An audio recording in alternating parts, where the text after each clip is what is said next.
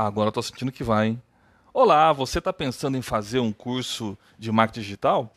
Pois é, você sabe que é importante se atualizar, mas nessa correria que você vive, né, meu Deus, faz tudo ao mesmo tempo, não tem tempo para nada. Essa é a boa nova que eu vou te trazer. Tem um curso online que você pode fazer com flexibilidade, aprender marketing digital com os melhores profissionais do mercado.